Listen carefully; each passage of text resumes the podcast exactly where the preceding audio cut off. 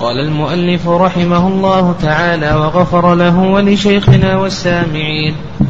وأدوات الشرط إن وإذا ومتى وأي ومن وكلما وهي وحدها للتكرار وكلها ومهما بلا لم أو نية الفور أو قرينته للتراخي ومع لم للفور إلا إن مع عدم نية فور أو قرينته فإذا قال إن قمت أو إذا أو متى أو أي وقت أو من قامت أو كلما قمت فأنت طالق فمتى وجدت طلقت وإن تكرر الشرط لم يتكر لم يتكرر الحنث إلا في كلما وإن لم يطلقك فأنت طالق. ولم ينوي وقتا ولم تقم قري ولم تقم قرينة بفور ولم يطلقها طلقت في آخر حياة أولهما موتا.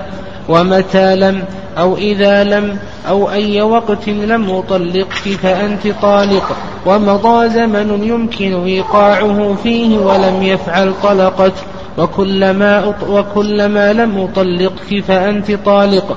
ومضى ما يمكن إيقاع ثلاث مرتبة فيه ولم يطلقها طلق طلقت المدخول بها ثلاثا وتبين غير هذه الأولى.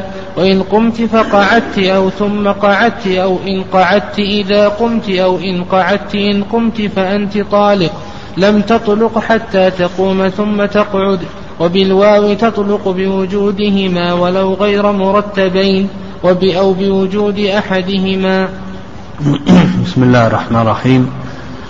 إن الحمد لله نحمده ونستعينه ونستغفره ونعوذ بالله من شرور أنفسنا ومن سيئات أعمالنا. من يهده الله فلا مضل له ومن يضلل فلا هادي له. وأشهد أن لا إله إلا الله وحده لا شريك له. وأشهد أن محمدا عبده ورسوله. اللهم صل وسلم وبارك على نبينا محمد وعلى آله وصحبه أجمعين. وبعد تقدم لنا من أحكام الطلاق ما يتعلق باعتبار الطلاق هل هو معتبر بالرجال أو بالنساء وأن جمهور أهل العلم يرون أنه معتبر بالرجال. وعلى هذا إذا كان حرا فإنه يملك ثلاث طلقات سواء كانت زوجته حرة أو أمة. وإن كان رقيقا فإنه يملك طلقتين. والرأي الثاني أنه معتبر بالنساء. وعلى هذا إذا كانت حرة فإن طلاقها يكون تطليقتين وإن كانت إن كانت حرة فإن طلاقها يكون ثلاثا سواء كان زوجها حرا أو رقيقا وإن كانت أمة فإن تطليقها يكون طلقتين سواء كان زوجها حرا أو رقيقا. وهذا قول حنفية. وسبق الكلام على هذه المسألة. وتقدم لنا أيضا ما, ما يتعلق بما إذا علق الطلاق على أمر مستعيل كأن حلقه على قلبها الحجر ذهبا أو صعودها السماء ونحو ذلك. كذلك أيضا تقدم لنا ما يتعلق بتعليق الطلاق بالشروط وأنه صحيح وما يشترط بذلك إلى آخره وأنه إذا علقه على شرط هل تطلق قبله أنها لا تطلق قبله. و إن قال عجلته فإنه لا يتعجل وإن قال لم أرد الشرط فإنها تطلق عليك مثلا قال المؤلف رحمه الله في درس اليوم قال وأدوات الشرط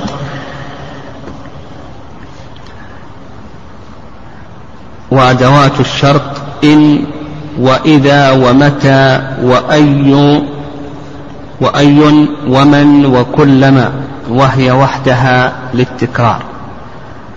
هذه الأدوات التي عدها المؤلف رحمه الله وهي ست أدوات إن وإذا ومتى وأي ومن وكلما. عد المؤلف رحمه الله هذه الأدوات الست لكونها تستعمل غالبا في الطلاق وإلا فإن أدوات الشرط أكثر من هذه الأدوات. لكن المؤلف رحمه الله خص هذه الست لغلبة استعمالها. ثم بعد ذلك بين المؤلف رحمه الله مسألتين تتعلقان بهذه الأدوات.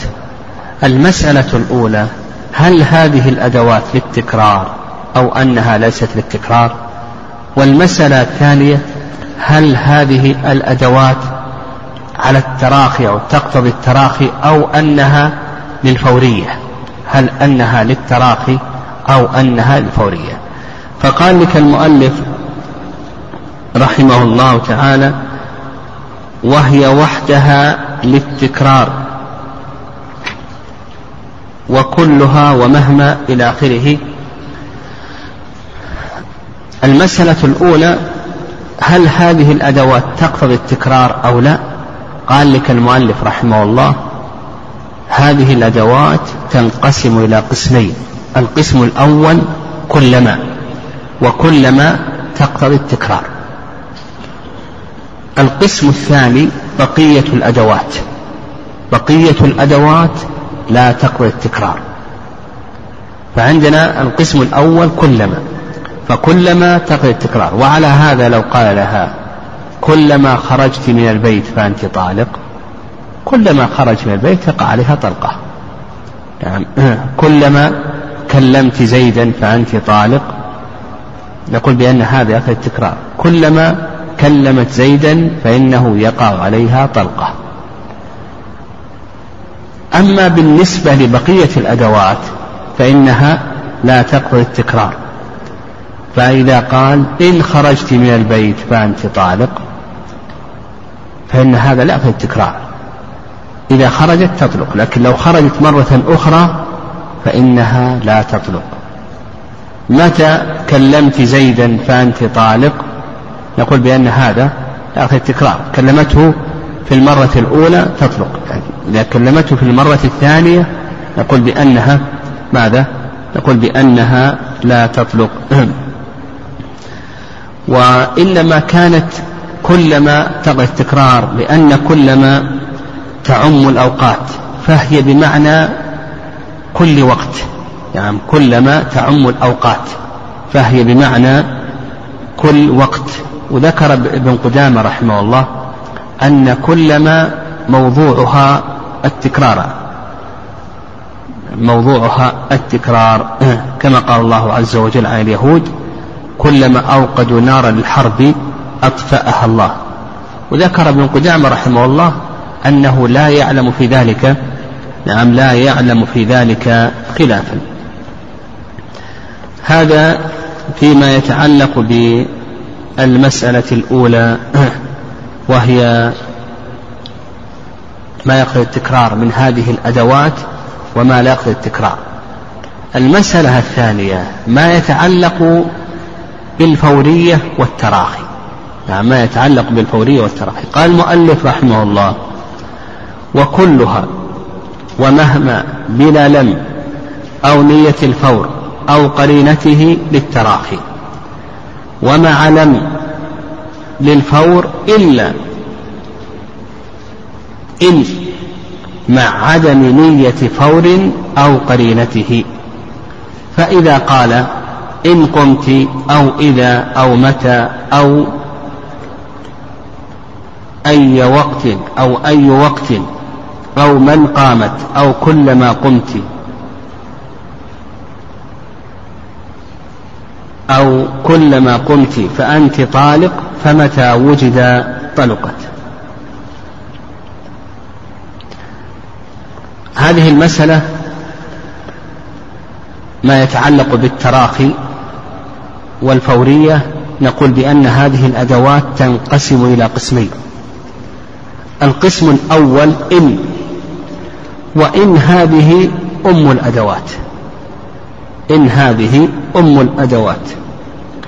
إن تكون للتراخي بشرطين. الأول نعم تكون للتراخي بشرطين.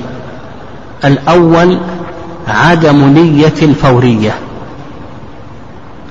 الثاني عدم قرينة الفورية نقول إن تكون للتراخي بشرطين.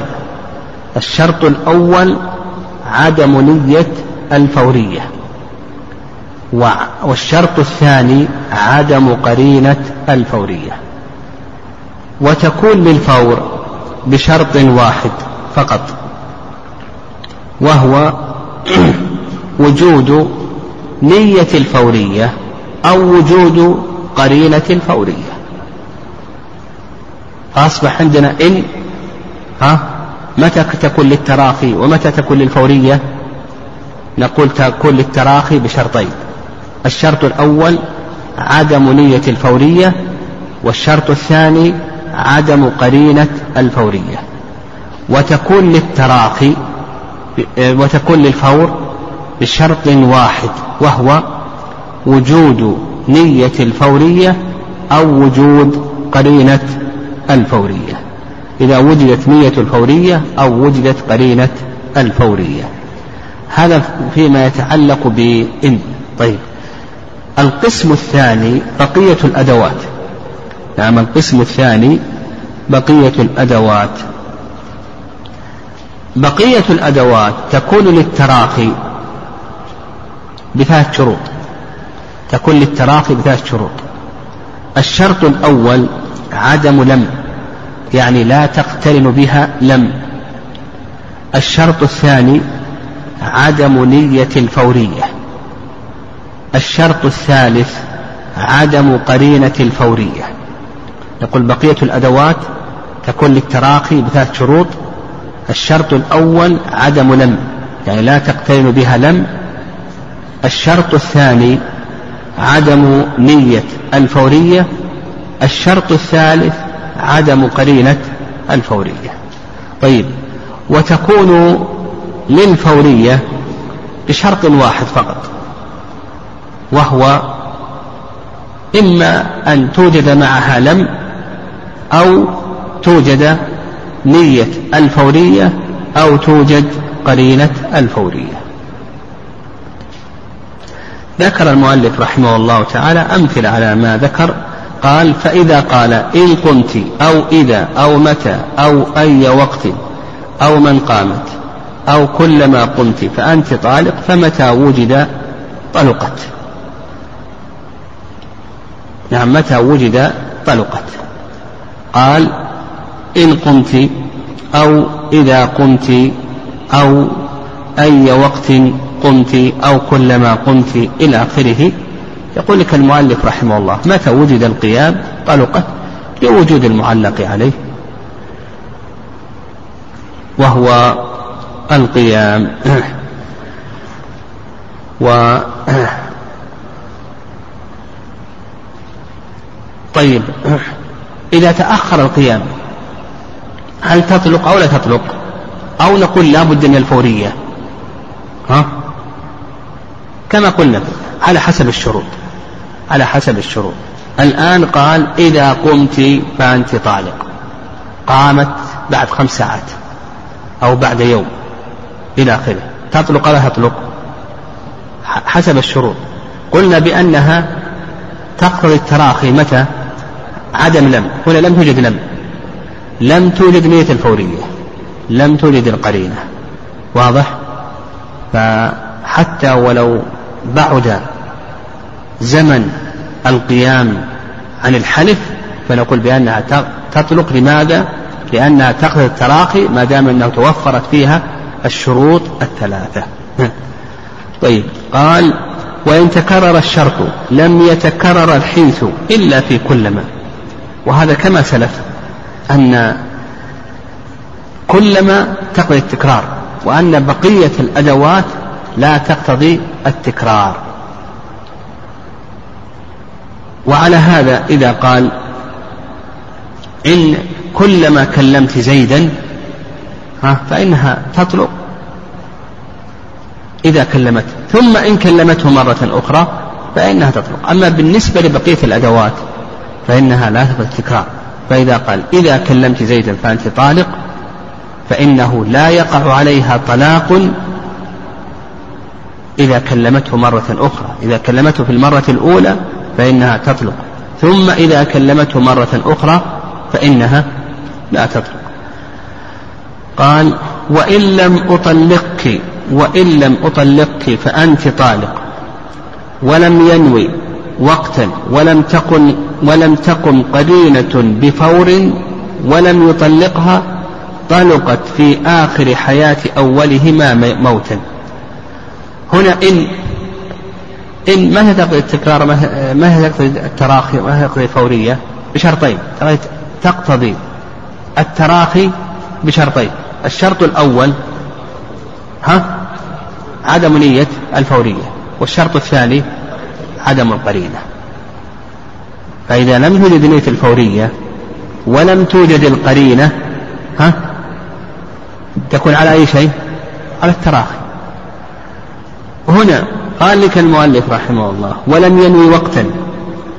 قال إلا مطلقك فأنت طالق. ما نوى أنه إذا لم يطلقها في هذه الساعة في الساعة الخامسة. لم ينوي ذلك. ولم تقم قرينة بفور يعني عدم النية. عدم نية الفورية وعدم القرينة وش تكون على تكون لأي شيء؟ على التراخي ولذلك قال لك المؤلف طلقت في آخر حياة أولهما موتا. لأن على ماذا؟ على التراخي على التراخي ما دام أنه لم توجد نية ولم توجد قرينة فإنها تكون على ماذا؟ على التراخي ولهذا قال لك ولم ينوي وقتا ولم تقم قرينة بفور ولم يطلقها طلقت في آخر حياة أولهما موتا.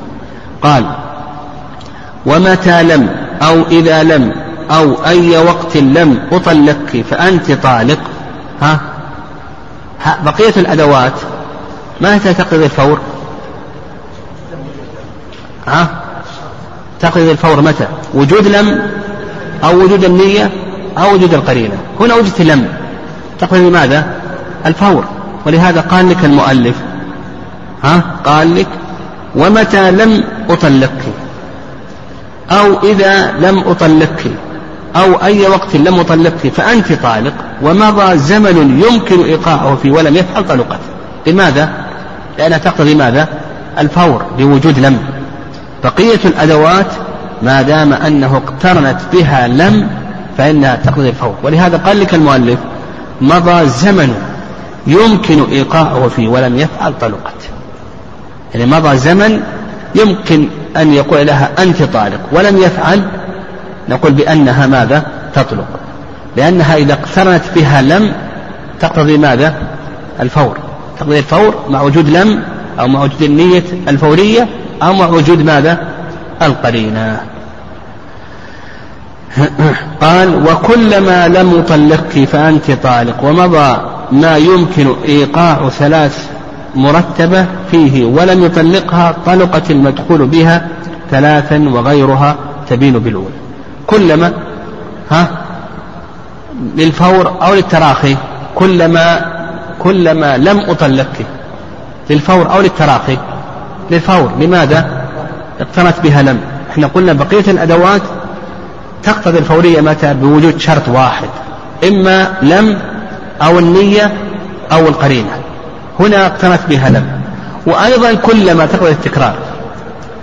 فكلما اقترنت بها لم فتقتضي الفورية. وأيضا كلما تقتضي التكرار. ولهذا قال لك المؤلف مضى ما يمكن إيقاع ثلاث مرتبة فيه ولم يطلقها طلقت المدخول بها ثلاثا. طلقت المدخول بها لوجود المعلق عليه.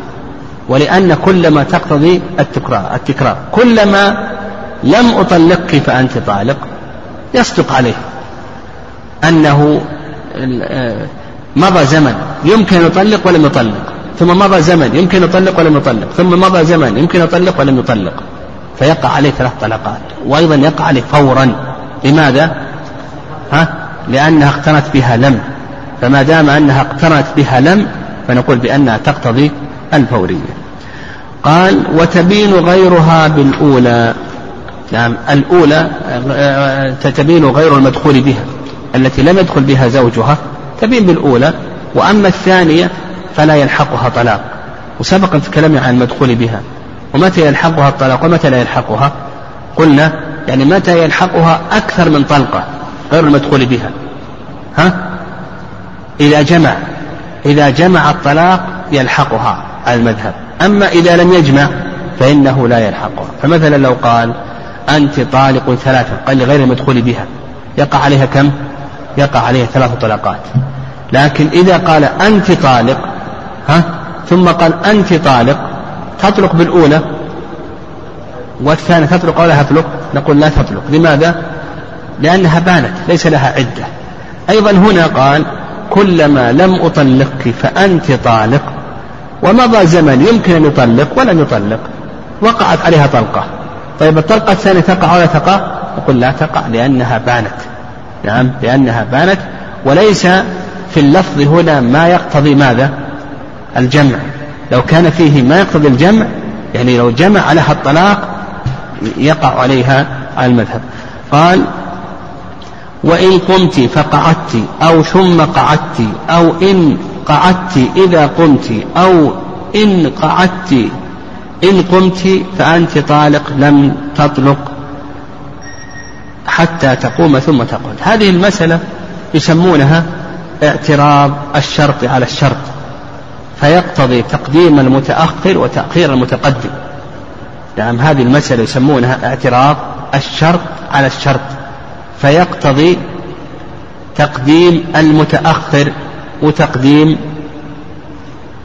تقديم المتأخر وتأخير المتقدم لأنه جعل الثاني في اللفظ شرطا للذي قبله لأنه جعل الثاني في اللفظ شرطا للذي قبله والشرط يتقدم المشروط. فإذا قال إن قمت فقعدت فأنت طالق متى تطلق؟ لا بد أن تقوم ثم تقعد. إن قمت فقعدت فأنت طالق. لا بد أن تقوم ثم تقعد. مثله أيضا إن قمت ثم قعدت. أو إن قعدت إذا قمت. إن قعدت إذا قمت. إن شرط. إذا قمت أيضا شرط. هذا اعتراض شرط على شرط. فيقول لك المؤلف رحمه الله لا تطلق حتى تقوم ثم تقعد. نعم. ومثله أو إن قعدت إن قمت فأنت طالق. قال لها إن قعدت إن قمت فأنت طالق. لا تطلق حتى تقوم ثم تقعد لما تقدم من التعليم. قال وبالواو تطلق بوجودهما. لأن الواو تقتضي ماذا؟ ها؟ الجمع. ما تقتضي الترتيب. لو قال إن قمت وقعدت فأنت طالق. إن قمت وقعدت فأنت طالق. ها؟ تطلق متى؟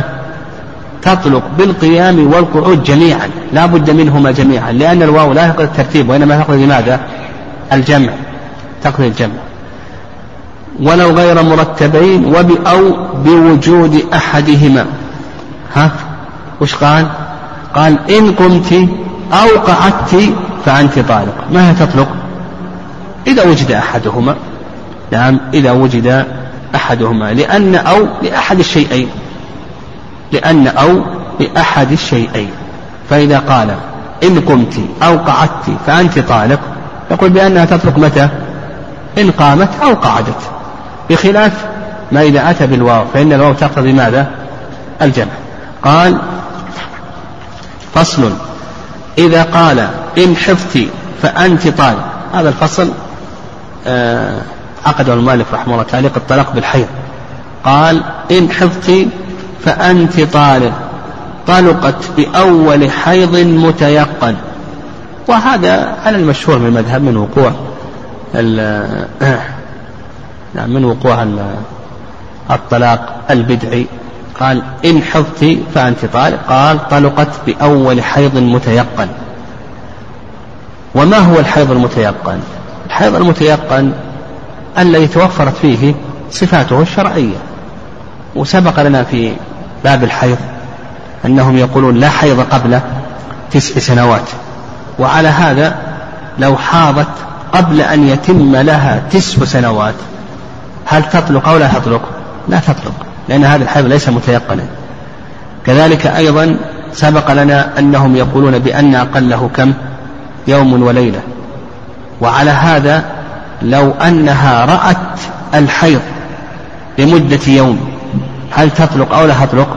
ها؟ نقول بأنها لا تطلق. المهم لا بد أن تتوفر فيه صفاته الشرعية.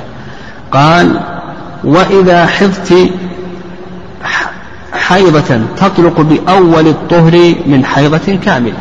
إذا قال إذا حفظت حيضة فإنها تطلق بأول الطهر إذا حاضت حيضة كاملة ثم طهرت فإنها تطلق لأنه علق الطلاق بالمرة الواحدة من الحيض. فإذا وجدت حيضة كاملة فقد وجد الشرط. يقول علق الطلاق بالمرة الواحدة من الحيض فإذا وجدت حيضة كاملة فقد وجد الشرط.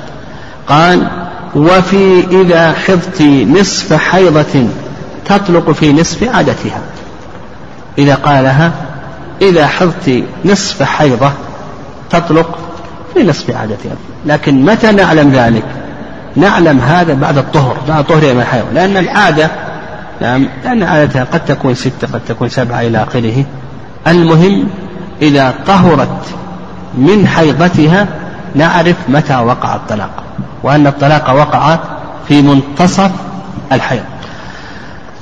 قال المؤلف رحمه الله تعالى فصل إذا علقه بالحمل فولدت لأقل من ستة أشهر طلقت منذ حلف. إذا علق الطلاق بالحمل. نعم هذا الفصل إذا علقه بالحمل أو عدم الحمل. إذا علقه بالحمل قال إن كنت حاملا فأنت طالق. إن كنت حاملا فأنت طالق. هذه المسألة تنقسم ثلاثة أقسام. نعم تنقسم ثلاثة أقسام. القسم الأول ما أشار إليه المؤلف رحمه الله تعالى. قال فولدت لأقل من ستة أشهر منذ حلف منذ حلف. ولدت لأقل من ستة أشهر منذ حلف. ها تطلق أو لا تطلق؟ تطلق هنا. لماذا؟ لأنها حامل. لأن أقل الحمل ستة أشهر. ما يمكن أن أن أن يكون الحمل أقل من ستة أشهر. قال لها في محرم إن كنت حاملا فأنت طالق. لما جاء ربيع ولدت. يعني محرم وربيع محرم وصفر وربيع الأول ولدت في ربيع الأول. ها؟ متى تكون حامل هي؟ قبل محرم أقل شيء ثلاثة أشهر. فيصدق عليها أنها أنها حامل. يصدق عليها أنها حامل. فنقول بأنها تطلق. فإذا ولدت هذا القسم الأول. أن تلده لأقل من ستة أشهر. فنقول بأنها تطلق لأنه يصدق عليها أنها حامل. طيب القسم الثاني أن تلده لأكثر من أربع سنوات. يعني بعد أربع سنوات. ها؟ فهذه لا تطلق. هذه لا تطلق. لماذا؟ لأنهم يرون أن أكثر مدة الحمل أربع سنوات. يرون أن أكثر مدة الحمل أربع سنوات. وعلى هذا لا تطلق. القسم الثالث أن تلده فيما بين ستة أشهر وأربع سنوات. يعني أتت به لأكثر من أربعة من ستة أشهر ولدون أربع سنوات. فهذا فيه تفصيل. إن كان يطأ فإنها لا تطلق لأنه يحتمل أن يكون من وطئ متجدد والأصل عدم وقوع الطلاق. وإن كان لا يطأ فإنها تطلق لماذا؟ لأنها أتت به في مدة الحمل. أعيد القسم الثالث. القسم الثالث أن تأتي به ما بين ستة أشهر وأربع سنوات. أن تأتي به ما بين ستة أشهر وأربع سنوات. فنقول هذا فيه تفصيل. نعم هذا فيه تفصيل. إن كان يطأ فإنها لا تطلق لأنه يحتمل أن يكون الحمل من وطء متجدد. وإن كان لا يطأ فإنها تطلق لأنها أتت به في مدة الحمل. قال وإن قال إن لم تكوني حاملا فأنت طالق حرم قبل استبرائها بحيضة حرم وطئها قبل استبرائها بحيضة في البائن وهي عكس الأولى في الأحكام. في المسألة الأولى علق الطلاق على ماذا؟ على وجود الحمل. في المسألة الثانية علق الطلاق على عدم الحمل. إذا علق الطلاق على عدم الحمل قال إن لم تكوني حاملا فأنت طالق. إن لم تكوني حاملا فأنت طالق. وفي المسألة الأولى قال إن كنت حاملا فأنت طالق. في هذه المسألة قال إن لم تكوني حاملا ها فأنت طالق. إن لم تكوني حاملا فأنت طالق. طيب عندنا في هذه المسألة أمران. الأمر الأول يتعلق بالوطء هل يجوز له أن يطأ أو لا يجوز أن يطأ قال لك قال لك إن كانت آخر الطلقات الثلاث لا يجوز أن يطأ أن يطأ إن كانت هذه الطلقة آخر الطلقات الثلاث لا يجوز لأنه لأنها قد يقع قد لا تكون حاملا قد تكون غير حامل وحينئذ تكون بانت فلا يجوز أن يطأ وإن كانت هذه الطلقة ليست آخر الطلقات الثلاث هي الطلقة الثانية والثالثة هي الطلقة الأولى والثانية فلا بأس أن يطأ لأنه لو فرض وجود طلاق فيكون الوطء مراجعة. والمذهب أن المراجعة تحصل بأي شيء بالوطء كما سيأتي. هذا فيما يتعلق بالوطء هذا الأمر الأول. الأمر الأول ما يتعلق بالوطء هذا فيه التفصيل. إن كانت بائنا يعني إذا كانت هذه الطلقة آخر الطلقات الثلاث فإنه لا يجوز له أن يطأ وإن كانت غير بائن كان تكون الطلقة الأولى أو الثانية ها فله أن يطأ لأنه لو تبين أنها طالق فإنه الرجعية لا بأس أن يطأها ويكون ذلك مراجعة على المذهب. طيب بالنسبة لوقوع الطلاق قال لك المؤلف رحمه الله عكس الأولى في الأحكام فيما يتعلق بالطلاق. عندنا الأقسام الثلاثة. نأتي بالأقسام الثلاثة ونعكس الأحكام. ها؟ فالقسم الأول إذا أتت به لأقل من ستة أشهر. في في القسم الأول ها؟ تطلق. هنا في هذا القسم نقول لا تطلق. فنقول القسم الأول أن تأتي به لأقل من ستة أشهر. قال إن لم تكوني حاملا فأنت طالق. فأتت به لأقل من ستة أشهر ها؟ فإنها تطلق أو لا تطلق؟ نقول بأنها لا تطلق. إذا أتت به لأقل من ستة أشهر. لأنها لا لا لا ماذا؟ لأنها تبين أنها أنها حامل. تبين أنها حامل. القسم الثاني القسم الثاني أن تأتي به لأكثر من أربع سنوات. هنا في المسألة السابقة ماذا قلنا؟ قلنا لا تطلق. هنا نقول بأنها تطلق. القسم الثالث أن تأتي به ما بين ستة أشهر وأربع سنوات. إذا أتت به ما بين ستة أشهر وأربع سنوات. قلنا إن كان يطأ فإنها لا تطلق. لأنه يحتمل أن يكون من وطن متجدد وإن كان لا يطأ فإنها تطلق. واضح؟ إذا أتت به ما بين ستة أشهر وأربع سنوات. قلنا إن كان يطأ لا تطلق لأنه يحتمل أن يكون من وطء متجدد. وإن كان لا يطأ فإنها تطلق. وإن كان يط... إن وإن كان لا يطأ فإنها تطلق. عكس هذه المسألة عكس المسألة الأولى. إذا كان هناك إذا قلنا هناك بأنه إذا كان يطأ فإنها تطلق هنا نقول إذا كان يطأ فإنها لا تطلق. ها؟ أو أو العكس.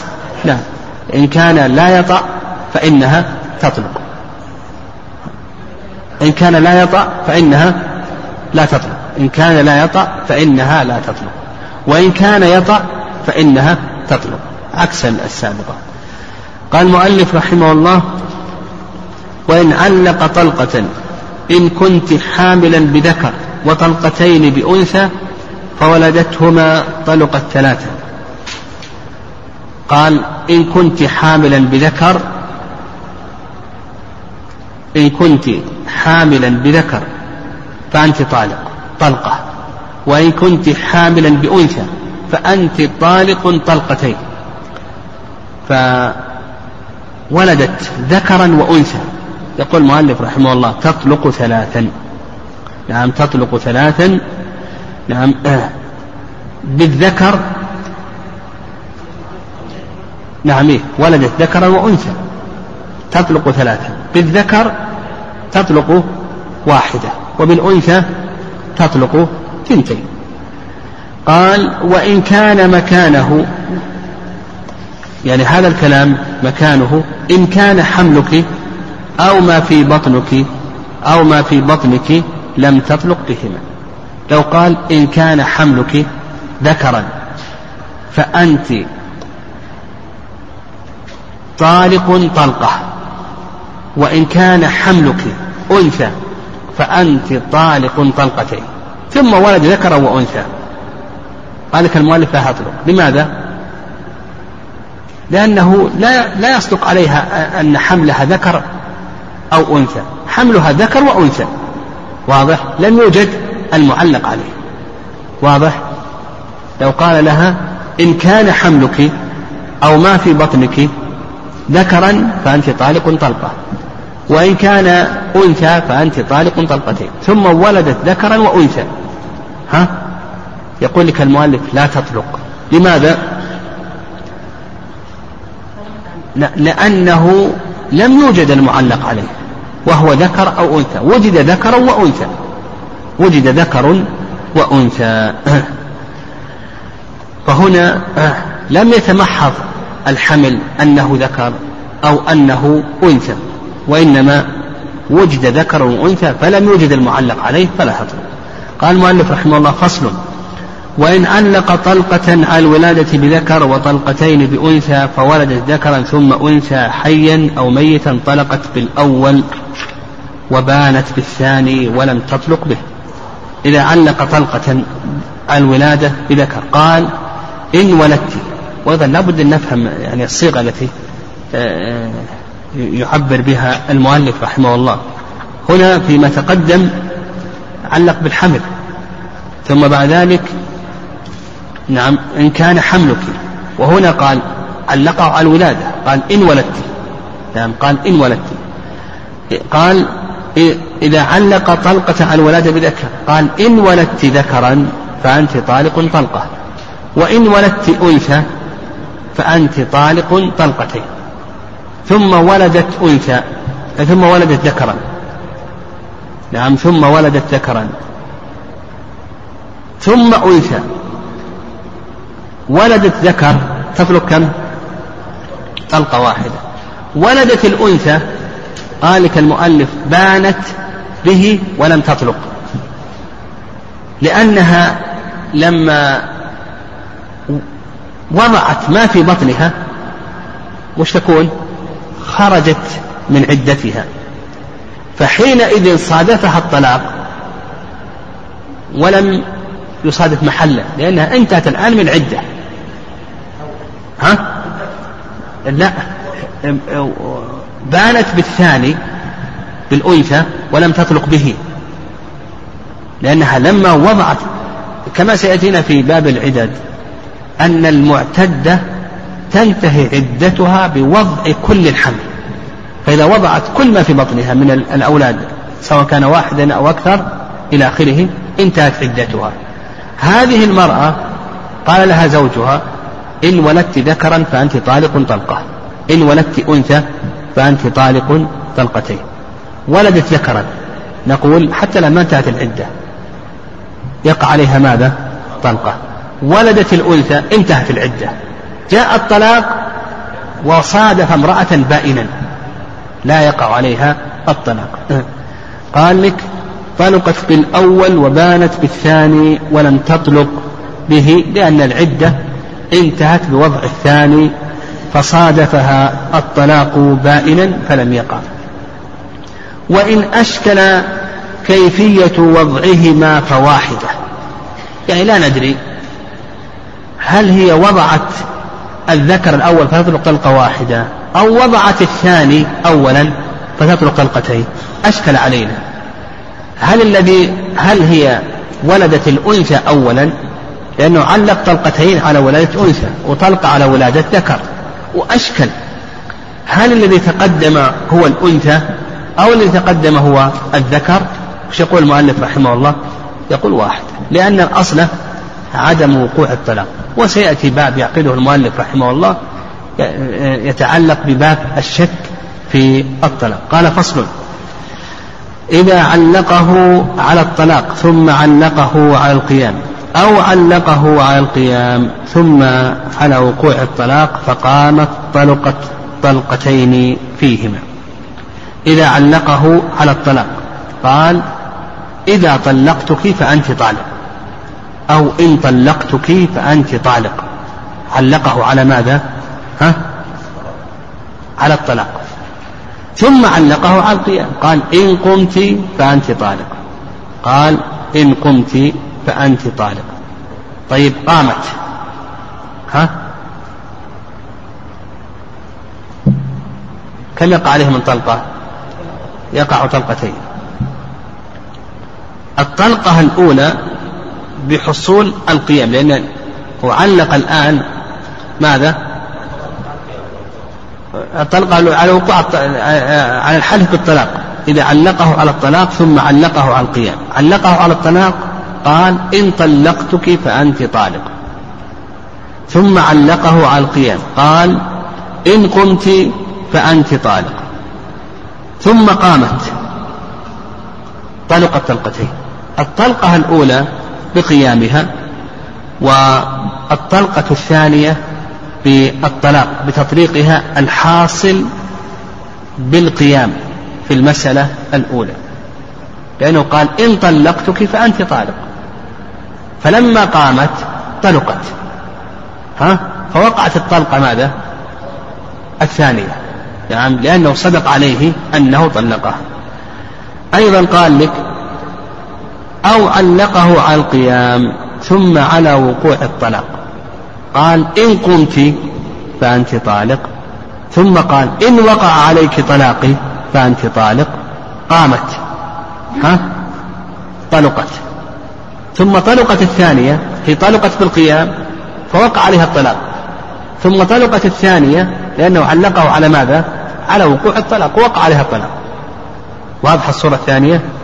قال ماذا؟ إن قمت فأنت طالق إن وقع عليك طلاقي فأنت طالق قامت. طلقة. وقال إن وقع عليك طلاقي فأنت طالق وقع عليها طلاقه ها؟ طلقت الطلقة الثانية طيب. قال وإن علقه على قيامها ثم على طلاقه لها فقامت فواحدة. يعني انتبه الفرق بين هذه المسألة والمسألة التي قبلها. المسألة الأولى علقه على الطلاق ثم علقه على القيام. أما هنا فعلقه ماذا؟ على القيام ثم على طلاقه لها. قال لها إن قمت فأنت طالق إن طلقتك فأنت طالق. قامت تقع عليها ماذا؟ طلقة. طيب إن طلقتك فأنت طالق.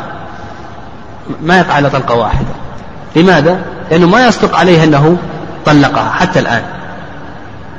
بخلاف المسألة قبلها قال إن قمت فأنت طالق إن وقع عليك طلاقي فأنت طالق. هنا وقع عليها طلاقه أما هنا فهذا هنا قال إن طلق هذا كلام مستأنف هذا كلام جديد غير مرتبط بالأول. واضح؟ في المسألة الأولى قال إن قمت فأنت طالق. إن وقع عليك طلاقي فأنت طالق. طلق الطلقة بالقيام وطلق بوقوع الطلاق. أما هنا قال إن قمت فأنت طالق. إن طلقتك فأنت طالق. طلقة بالقيام.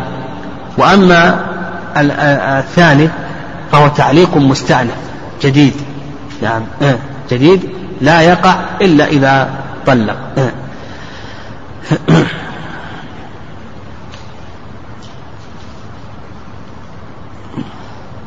وخلاف أيضا الصورة الأولى. شوف الصورة الأولى وش قال؟ قال إذا علقه على الطلاق ثم علقه على القيام فقامت طلقتان. علقه على الطلاق. إن طلقتك فأنت طالق. ثم قال إن قمت فأنت طالق. طلقت بالقيام. وصدق عليه أنه أيضا أنه علقها لو الارتباط أما في المسألة الثالثة ما فيه ارتباط. كلام مستأنف. نعم كلام ماذا؟ مستأنف. فلا يقع إلا طلقة واحدة. قال وكلما طلقتك أو كلما وقع عليك طلاقي فأنت طالق. فوجد طلقت في الأولى طلقتين وفي الثانية ثلاثة. قال كلما طلقتك فأنت طالق. ثم قال أنت طالق. ها؟ وقع بقوله أنت طالق. طلقة. وقوله كلما وقع فيها طلقة. طيب.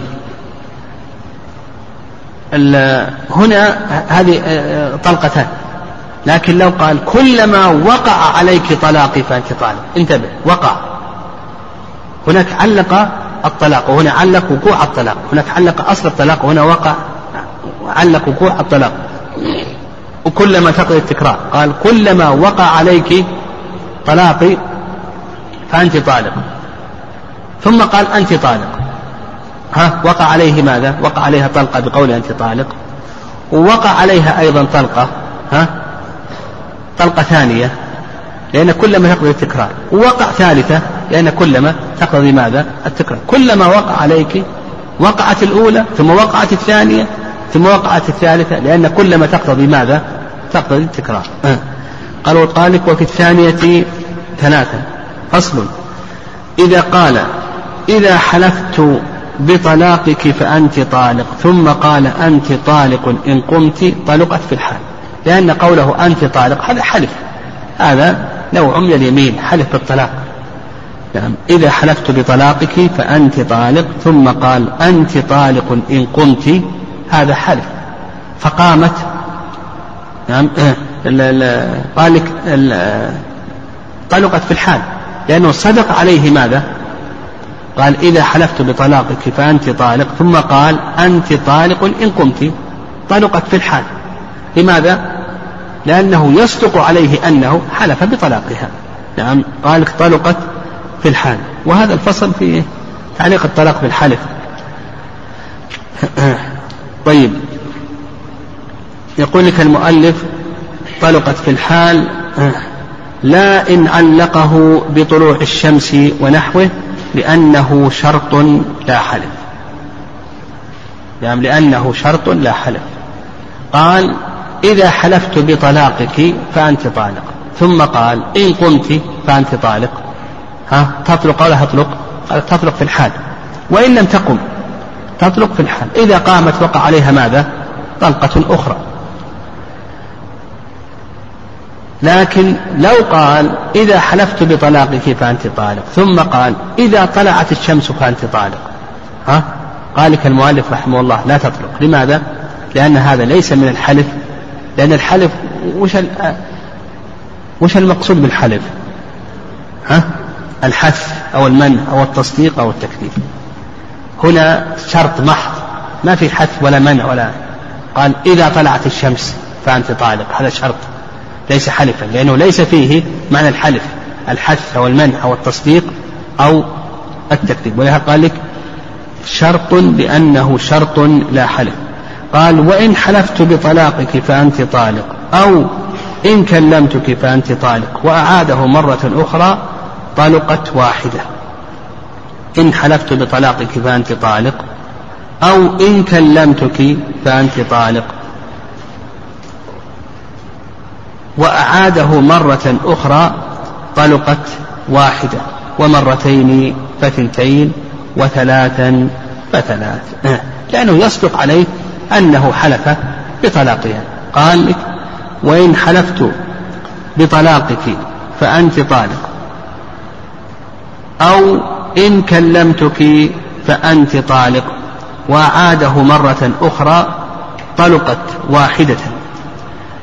لأن إعادته حلف وكلام. يعني حلف وكلام. قال إن حلفت بطلاقك فأنت طالق. ثم قال إن كلمتك فأنت طالق. ها؟ ثم أعاده مرة أخرى. طلقت واحدة. أعاده مرة أخرى. طلقت واحدة. لأن إعادته حلف وكلام. ومرتين فثنتان وثلاث فثلاث. لأن كل مرة يوجد فيه شرط الطلاق. نعم كل مرة يوجد فيه شرط الطلاق. إن حلفت بطلاقك فأنت طالق. أو إن كلمتك فأنت طالق. وعاده مرة أخرى قال إن كلمتك فأنت طالق لأنه كلمها فتطلق. ثم قال إن كلمتك فأنت طالق تطلق لأنه في كل مرة يعيده. أو قال إن حلفت بطلاقك فأنت طالق. ثم قال إن حلفت بطلاقك فأنت طالق. إلى آخره. أعاده قاله ثم أعاده مرة إذا قاله تطلق ثم أعاده مرة يصدق عليه أنه حلف حلف بطلاقها ويصدق عليه أنه كلمها إلى آخره فيتكرر لوجود المعلق عليه. قال فصل. وإن قال إن كلمتك فأنت طالق فتحققي أو تنحي أو اسكتي طلقت. لأن هذا نعم لأن هذا كلام. هذا كلام. وجد المعلق عليه. نعم. وجد الشرط فوجد المشروط. قال لزوجته إن كلمتك فأنت طالق. ثم قال تحققي أو اسكتي أو تنحي. لأنه يصدق عليه أنه كلمها. اللهم إلا أن يريد كلاما خاصا. و... نعم. طلقت. وإن بدأتك بالكلام فأنت طالق. فقالت إن بدأتك به فعبدي حر إن حلت يمينه ما لم ينوي عدم البداءة في مجلس آخر. يعني قال لزوجته إن بدأتك بالكلام فأنت طالق. فقالت إن بدأتك به فعبدي حر. ثم كلمها هل تطلق أو لا تطلق؟ لا ما تطلق. لماذا؟ لأنه لا يصدق عليه أنه بدأها. هي التي بدأت. انحلت يمينها الآن واضح؟ هو قال لك وإن نعم. وإن بدأتك بالكلام فأنت طالق. فقالت إن بدأتك به فعبدي حر. تكلمت. ثم بدأها بالكلام. ها؟ تطلق ولا تطلق؟ لا تطلق. لماذا؟ لأن يمينه انحلت. هي التي بدأت. إلا إذا كان كما قصد المؤلف رحمه الله إذا قصد مجلسا آخر. إذا قصد أنه لا يبدأها بالكلام في مجلس آخر. فعلى حسب نيته. نعم. نقف على هذا.